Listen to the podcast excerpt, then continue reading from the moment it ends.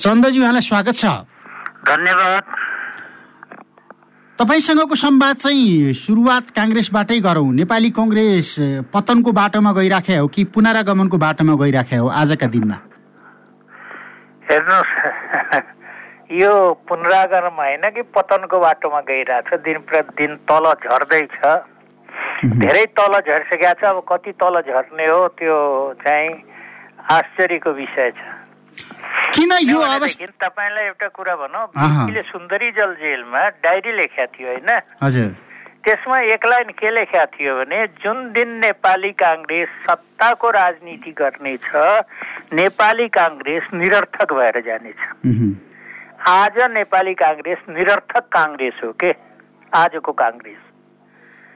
किनभने सत्ताको लागि जे पनि गर्ने जहाँ पनि जाने जससँग पनि सम्झौता गर्ने प्रजातान्त्रिक मूल्य मान्यता र इथिकलाई कुनै प्रवाह नगर्ने भइसकेपछि यो काङ्ग्रेस अहिले निरर्थक हो र यो एकदमै पतनको चरम सीमामा पुगेको छ। अब यो अहिलेको सन्दर्भमा त अहिलेको संविधानै त्यस्तै लेखिएछ। हुन त नेपाली काङ्ग्रेसकै अग्रसरतामा लेखिएको संविधान हो। त्यसमा कसका एजेन्डाहरू हाबी भए इतिहासले बताउला अथवा तपाईँहरूको पुस्ताले समीक्षा गर्दा गर्दै राजनीतिबाट किनारामा पुगिसकेको अवस्था छ। अब अहिलेको संविधानै यस्तै छ अनि संविधान र अहिलेको प्रणाली जोगाउनको लागि काङ्ग्रेससँग सम्झौता गर्नुभन्दा बाहेकको विकल्प के छ र? होइन होइन। हेर्नुहोस् त्यो यो सम्झौता गर्ने बाहेक विकल्प के छैन भन्नु नै गलत हो कि? यो सोच नै गलत हो हेर्नुहोस्। हेर्नुहोस् नेपाली काङ्ग्रेसको निर्माण बिपी कोइरालाले बिपी कोइरालाको आइडियोलोजीमा बिपी कोइरालाको विचारधाराबाट यो पार्टी बनेको हो।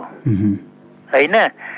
यो पार्टी बिपीले किन बनायो भने बिपीको लागि एउटा इन्स्ट्रुमेन्ट थियो। कस्तो इन्स्ट्रुमेन्ट भने यस प्रजातान्त्रिक मूल्य मान्यतालाई आम जनतासम्म पुर्याउने सार्वभौमिक सत्ताको संरक्षण गर्ने त्यसलाई स्थापित गर्ने भन्ने उद्देश्यको साथ यो पार्टी बनाइएको हो। होइन? आज यो पार्टी यो सब के पनि गरिरहेको छैन। के पनि गरेकै छैन। हजुर। त्यस कारणले के छ भनेदेखि अब यो तपाईँले भन्नुभयो नि यो संविधान। संविधानले बिगाड्या छ। हेर्नु संविधान वास्तवमा संविधान उत्कृष्ट भन्दा भन्दा निकृष्ट संविधान चाहिँ हो यो। किनभने संविधानको संविधान विज्ञहरू के भन्छन् भने जुन संविधान जति सानो हुन्छ त्यति नै उत्कृष्ट हुन्छ। यो संविधान यसलाई धेरै लामो बनाइएको छ धेरै ठुलो बनाएको छ धेरै कुराहरू राखिएका छन्। त्यस कारणले के छ भने यो संविधानले बिगाडे होइन। संविधानले जहाँ जहाँ बिगाड्या छ त्यसलाई त संशोधन गर्न सकिन्छ नि। हेर्नुहोस् राजनीतिक शास्त्रले के भन्छ भने जो संविधान लचिलो हुन्छ त्यो संविधान नै राम्रो हुन्छ। लचिलो भन्नाले त्यसमा यदि कुनै बाधा अवरोध आयो भने त्यसलाई संशोधन गर्नु गर्ने। अमेरिकाको संविधानमा सैकडौँ संशोधन भइसक्यो। अर्को देशको सैकडौँ। यहाँ के हुन्छ? आज अर्को व्यवस्था आयो संविधान बदल्यो हेर्नुहोस् त। त्यहाँ पन्ध्र सालदेखि अहिलेसम्म कति संविधान सातवटा त हो नि। सात दशकमा सातवटा संविधान त लेख्यो होइन। त्यस्तो त काहीँ इतिहास देखिया छैन। त्यस कारणले के छ भने संविधानले बिगाडे होइन कि सोचले बिगाडे हो कि।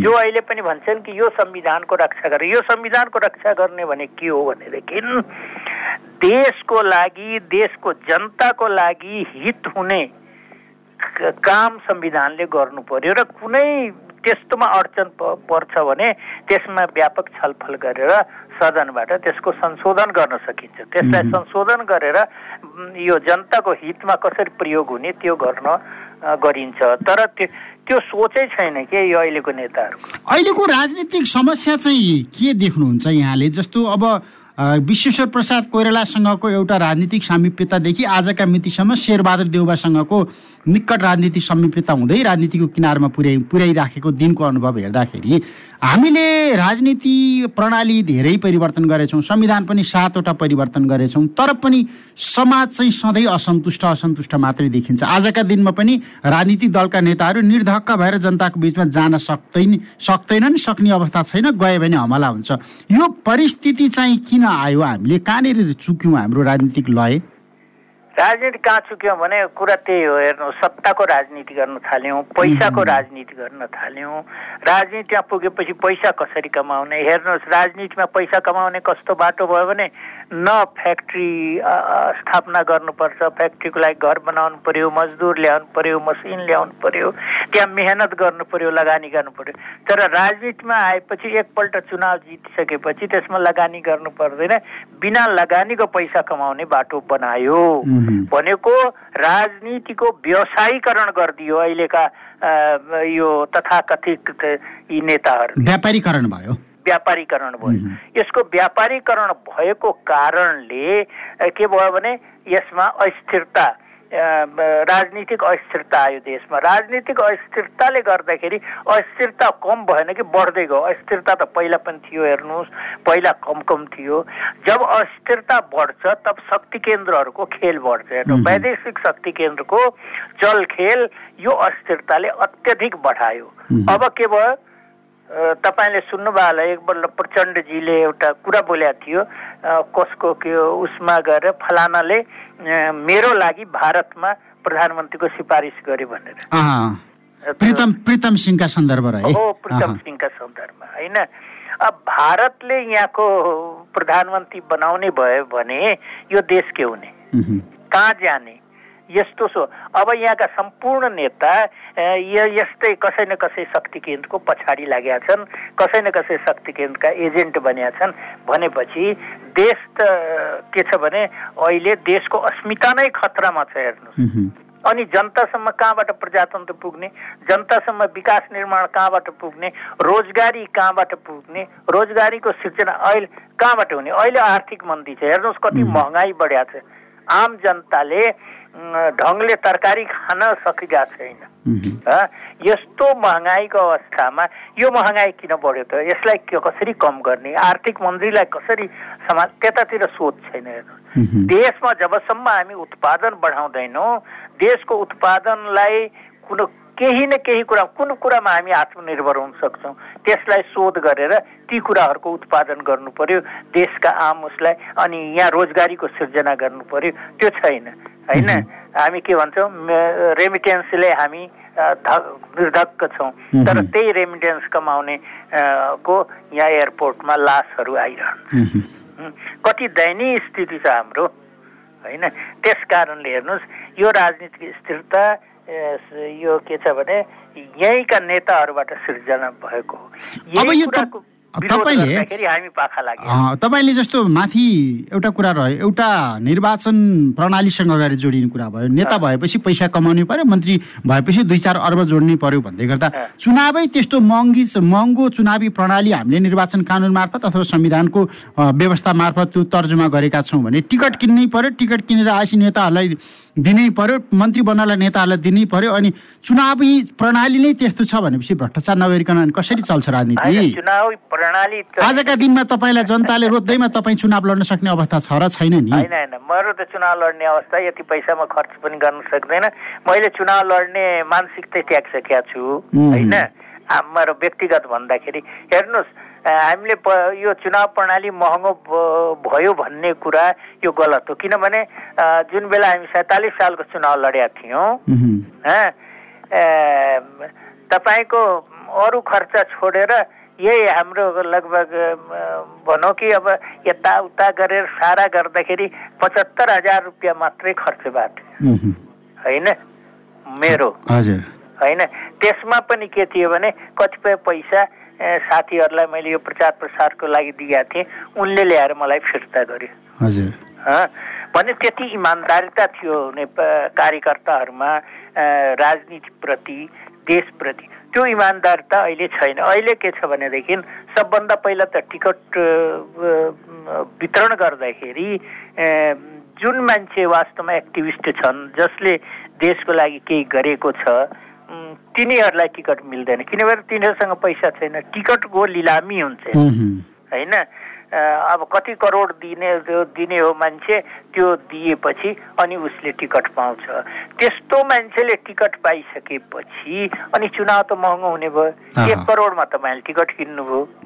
उठाउने जित्नु पर्यो एक करोड त्यहाँ लगानी लाग्यो। जित्दाखेरि तपाईँले अब अब अहिले के गर्छन्? अहिले म बडा बडा अचम्म पर्छु। ठाउँ ठाउँमा पैसा बाँड्या हुन्छन्। निर्वाचन आयोगले बाँड्न मिल्दैन भन्छन्। आम जनताले हेरे हुन्छ। निर्वाचन आयोगले कुनै कारवाही गर्दैन कुनै प्रुफ छैन भन्छ। होइन? अनि काहीँ यो मासु भात खुवा हुन्छन् रक्सी खा खुवा हुन्छन् सारा त्यसरी किनेर त्यो चुनाव अब यसमा के छ भने त्यो गल्ती मात्रै त्यो वास्तवमा भोटरहरूको पनि गल्ती हो। भोटरले पनि ठिक छ उनले खुवाउँछ जे खुवाउँछ तर उसले के गर्नु पर्यो सही मान्छेलाई भोट दिँदाखेरि यो हुँदैन थियो। यस कारणले पार्टीहरूले टिकट दिँदाखेरि एउटा इमान्दार तरिकाले दिनु पर्यो। पहिलाका नेताहरू पनि टिकट दिन्थे होइन? पैसा दिनु पर्दैन थियो। बल्कि टोकनको रूपमा पार्टीले यो लिनुहोस् यति हाम्रो पार्टी दिन सक्छौँ। जस्तै सुरुमा सैँतालिस सालको इलेक्सन लड्दाखेरि मलाई किसुनजीले पच्चिस हजार रुपियाँ दिएका थियो होइन? अब अब तपाईँ आफू म्यानेज गर्नुहोला ल लड्नुहोस् भनेर। अहिले हजार होइन करोडको रुपियाँमा तपाईँ दिएपछि तपाईँले टिकट पाउनुहुन्छ भने त्यो वास्तवमा यो पद्धतिले होइन कि हाम्रो सोच हाम्रो नैतिकता सब हामीले बेच खायौँ र त्यस कारणले यो निर्वाचन महँगो भएको अब यो अब कार्यकर्ताहरू पनि अथवा मतदाताहरू पनि त्यस्तै भन्दै गर्दा त यो कुरा त अवसरका कुरामा रोजगारीका कुरामा आर्थिक उपार्जनका कुराहरूमा गएर पनि जोडिन्छ नि त। धेरै पढे भने धेरै पढेका नागरिकहरू यहाँ बसिदिए भने यहाँ उद्योग धर्दा कल कारखाना भयो र सबै सचेत युवाहरू यहाँ बसिदिए भने मेरो चल्दैन मेरा मान्छे बस्न पाउँदैनन् र मेरो तजबिज चाहिँ यहाँ बिग्दैन भन्ने खालको राजनीतिक मानसिकता छ भनेपछि बच्चे खुचेका मान्छेहरूको त जीविका उपार्जनसँग गएर जोडिएको छ जसले दुई चार पैसा दिन्छ उसँग नजिक हुनु पऱ्यो भोलिका दिनमा केही लाभ लिनु पर्यो अनि भोट त दिने नै हो भन्ने हिसाबको राजनीतिक प्रणाली त चलेको छ नि त समाजमा फेरि। हेर्नुहोस् यो राजनीतिक प्रणाली यस्तो चलेको राजनीतिक प्रणाली नै देश अगाडि बढिरहेको छैन त्यस कारणले तमाम युवाहरू विदेशिया छन् होइन? विदेशतिर गएका छन्। त्यो त्यो के हो भनेदेखि सरकारले सबभन्दा पहिला अपर्च्युनिटीहरू क्रिएट गर्नु पर्यो। होइन? अवसरहरू को सिर्जना गर्नु पर्यो। त्यसको लागि देशका उत्पादनहरू बढाउनु पर्यो। त्यो सिर्जना गरेपछि मान्छे यहीँ बस्छ यहीँ लड्छ अनि राम्रो मान्छेहरू आउँछन्। तपाईँले भने जस्तै अब यहाँ के हुँदैन भनेदेखि सब विदेशिन्छन्। अब हेर्नुहोस् अहिले गाउँ गाउँमा युथहरू छैनन्।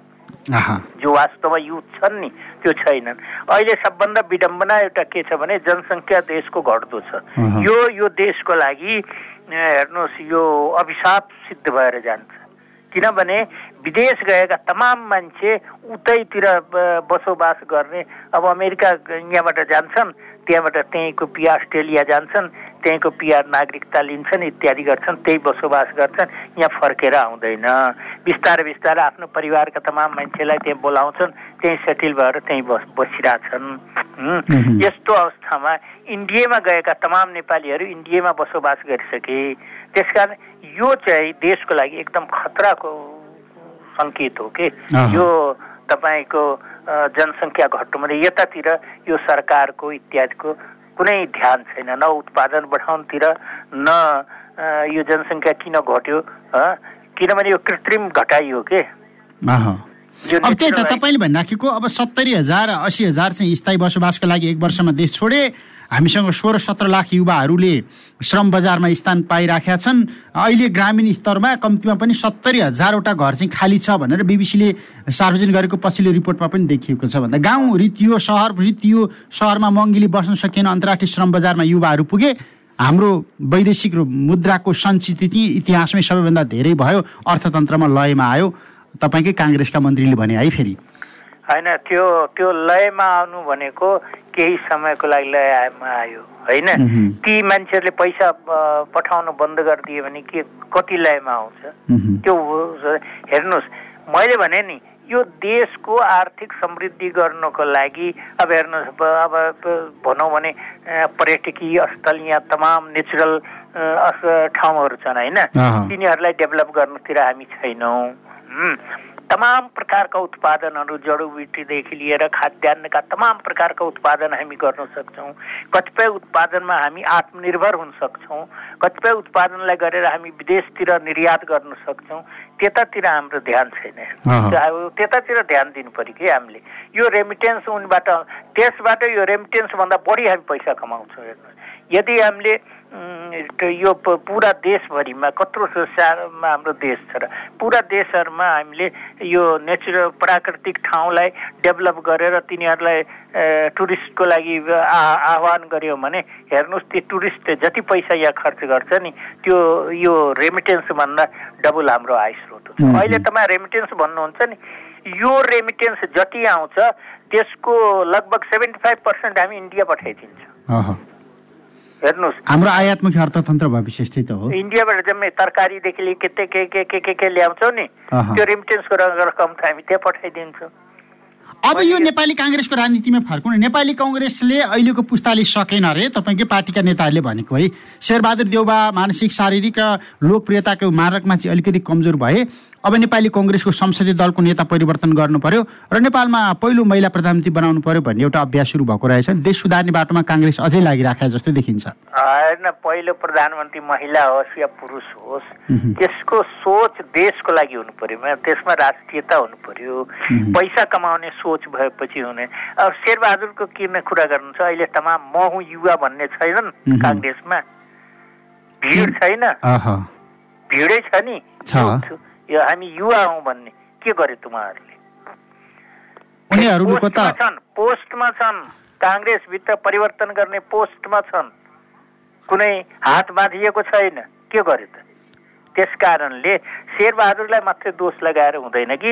अहिले काङ्ग्रेसमा भएका जे जति मान्छे छन् ती जम्मै अवसरवादी र यो पद लोलुप मान्छे मात्रै छन्। र हाम्रो महाधिवेशनमा पनि के हुन्छ हेर्नुहोस् अहिले बडा गजब हुन्छ। महाधिवेशनमा तमाम महाधिवेशन सदस्य बनाउँदाखेरि ती भोटर बनाउँदाखेरि त्यो विशेष किसिमले यो मान्छे हामीलाई भोट दिने हो भनेर जो जिल्लाको सभापति हुन्छ त्यो प्रकारले त्यसले सक्रिय सदस्यता डेभलप गर्छ र त्यसबाट आफू सुरक्षित भइसकेपछि अनि आउँछ। फेरि के बडा गजब के छ भनेदेखि त्यो अधिवेशन सकिएपछि ती गाउँका जो भोटर हुन्छ नि जसलाई क्रियाशील छ ती आफ्नो आफ्नोतिर लाग्छन् ती फेरि काङ्ग्रेसमा रहँदैनन् होइन यो सारा प पद्धतिलाई यो काङ्ग्रेसले सुधार्नु पर्यो। तर सुधार्छ कसरी? केन्द्रमा सुध्रियो भने पो तल सुधार्छ नि। सुधार्न त नीति चाहिएला नीति महाधिवेशनै नगरेर नेतृत्वको महाधिवेशन मात्रै गरेर हिँडेपछि कहाँबाट सुध्रिन्छ पार्टी? नै नेतृत्व पहिला इमान्दार हुनु पर्यो नि। जस्तै जो पार्टीको केन्द्रीय सभापति हुन्छ केन्द्रीय पदाधिकारी हुन्छ ती तिनीहरूमा इमान्दारिता हुनु पर्यो। तिनीहरूले अवसरवादी पद लोलुप हुनु भएन भने अनि तलसम्म सुध्रिन्छ के? अब अहिले पछिल्लो समयमा नेपालको अहिलेको यो प्रणाली नै जोखिममा पर्न थाल्यो भनेर भनिराखेका छ नि। तपाईँले कतातिरबाट जोखिम देखिराख्नु भएको छ कि छैन जोखिममा? होइन प्रणाली त होइन हेर्नुहोस्। डेमोक्रेसी को यो विश्वभरिमा कुनै विकल्प छैन हेर्नुहोस्। त्यस्ता कट्टर कम्युनिस्ट राज चाइना भए रसा भए त्यसमा अहिले कम्युनिस्ट भन्न त भन्छन् तर धेरै कुराहरू तिनीहरूले डेमोक्राइज गरिसके। गरिसके होइन। त्यसकारण डेमोक्रेसीको कुनै पनि विकल्प छैन। यस कारणले प्रणाली गलत होइन कि? प्रणालीलाई सञ्चालन गर्ने व्यक्तिहरू गलत छन् के? होइन? हाम्रो देशमा के के गर्ने? अब यो तपाईँ प्रणालीलाई भन्नुहुन्छ विधिको शासन छ यो देशमा? विधिको शासनै छैन। सरकारलाई केही अप्ठ्यारो पर्छ भने उसले त्यो कानुनै बदलिदिन्छ अहिले तमाम कानुन यस्ता बनिया छन् कि त्यस्तो विरोध हुँदा हुँदा पनि उहाँहरूले बनाए नि। जस्तै कुनै पार्टीको मान्छे भयो भने उसलाई आम माफी गराउन अथवा त्यो केसबाट हटाउने सक्ने भन्ने आयो क्या आएन रेशम चौधरीहरू पनि देखियो बालकृष्ण खाँडहरू पनि देखियो कृष्णबहादुर महराहरू पनि देखियो। सब देखियो नि। देखियो। तपाईँको यत्रो काण्डहरू भए ती काण्डहरूलाई खालि ढाकछोप गर्नको लागि अलिकति उठायो त्यसपछि बन्द गर्यो। भुटानी शरणार्थी काण्ड कहाँ गयो? ललिता निवास भन्छ। सुवर्ण शमशेरको जग्गा हो नि। होइन? अनि सुवर्ण शमशेरको छोरा त्यो भूमाफिया हो। जसको त्यो जग्गाको हक हकदार हो। तर त्यसमा अरू जो भूमाफिया छन् तिनीहरूलाई आम माफी भएको भएन। सफाइ पाए त सबैले। सफाइ पाए। अनि गरेको के भयो त? अनि त्यस कारणले मैले पहिले भने नि यो पुरा हेर्नुहोस् गिरिजाप्रसाद कोइरालाले एउटा नारा दिया थियो सहमति सहकारी एकता भनेर। होइन? हेलो? हजुर हजुर। सहमति सहकारी एकता भनेको थियो। अब हेर्नुहोस् भुटानी शरणार्थी काण्डमा त्यो काण्डमा सहमति सहकारी एकता देखियो देखियो देखियो।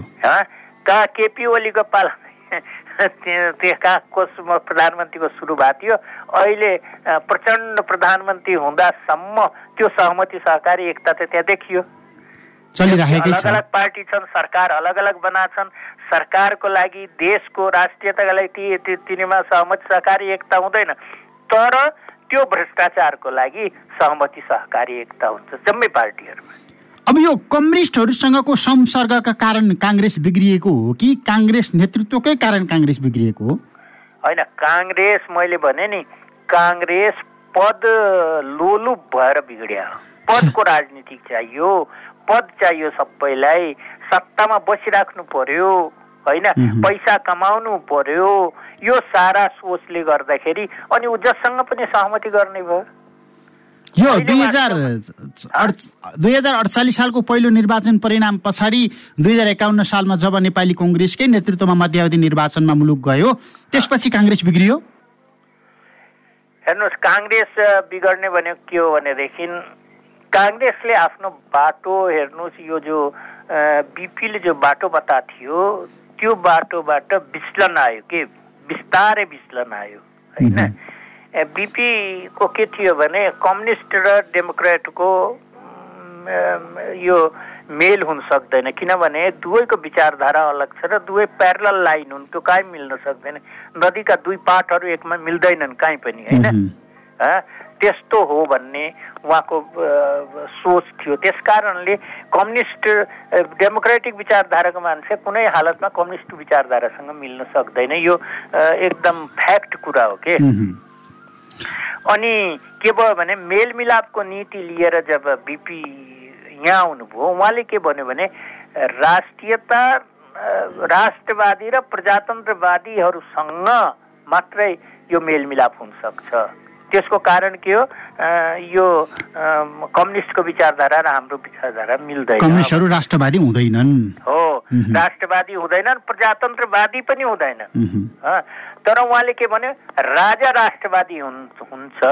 त्यस कारणले राष्ट्र राष्ट्र राजासँग हाम्रो मेलमिलाप हुन सक्छ र राजालाई हामी प्रजातन्त्रवादी हामीले बनाउनु पर्छ।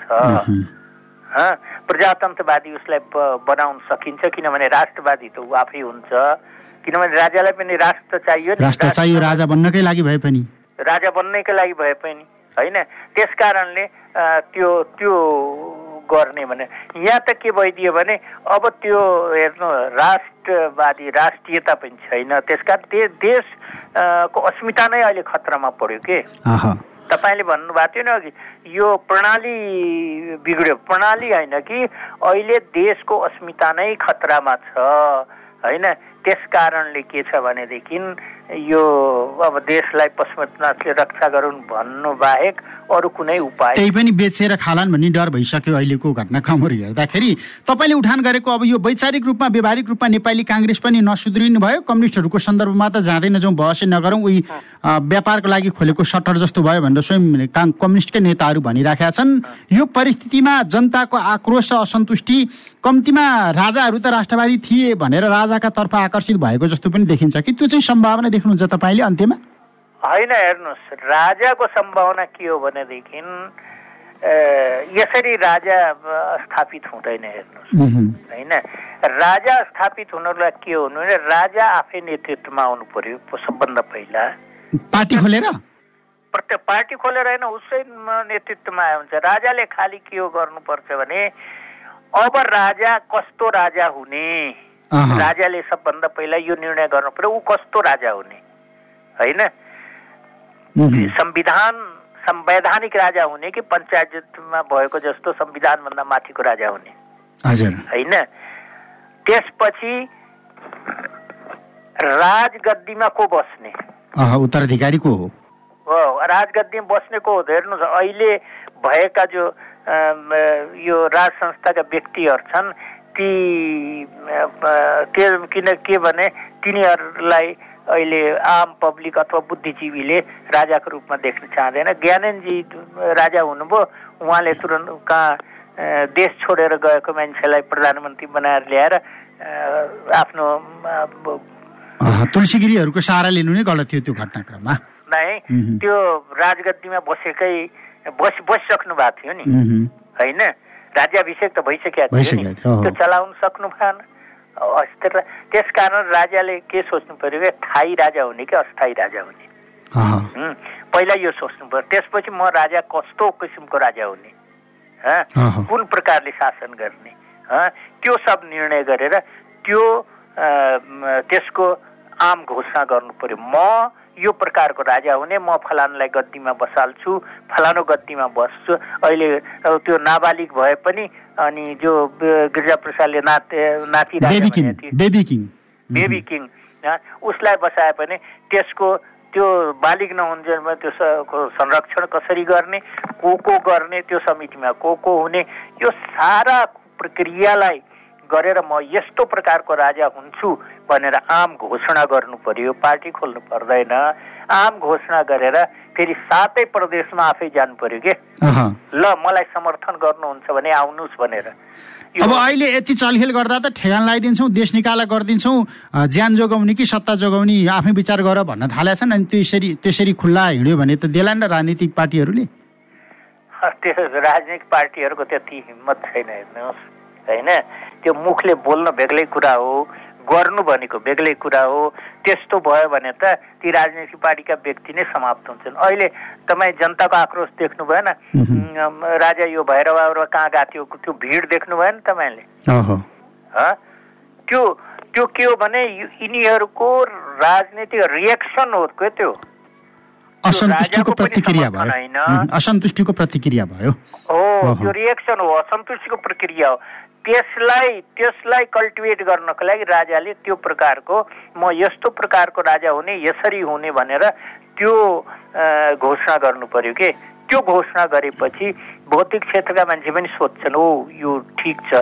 यसरी भयो भने राम्रो छ भनेपछि त्यसपछि वास्तविक समर्थन आउँछ र जनताको समर्थनले राजा हुन्छ। तर राजा यदि यस्तै यो अहिले जस्तो भइरहेछ त्यस्तो किसिमले धार्मिक यात्रामा मठ मन्दिरमा गएर घन्टी बजाएर रात मात्र फर्किँदैन फर्किँदैन हुन्छ। वैदेशिक के शक्ति केन्द्रको आधारमा राजा बन्यो भने त्यो थाहै हुँदैन हेर्नु हजुर हुन्छ राजा भारत इत्यादितिर हेरिरहेछ नि। त्यस कारणले त्यो चाहिँ गलत हुन्छ। हुन्छ समय र संवादका लागि धन्यवाद। यहाँलाई पनि आमन्त्रणको लागि धन्यवाद।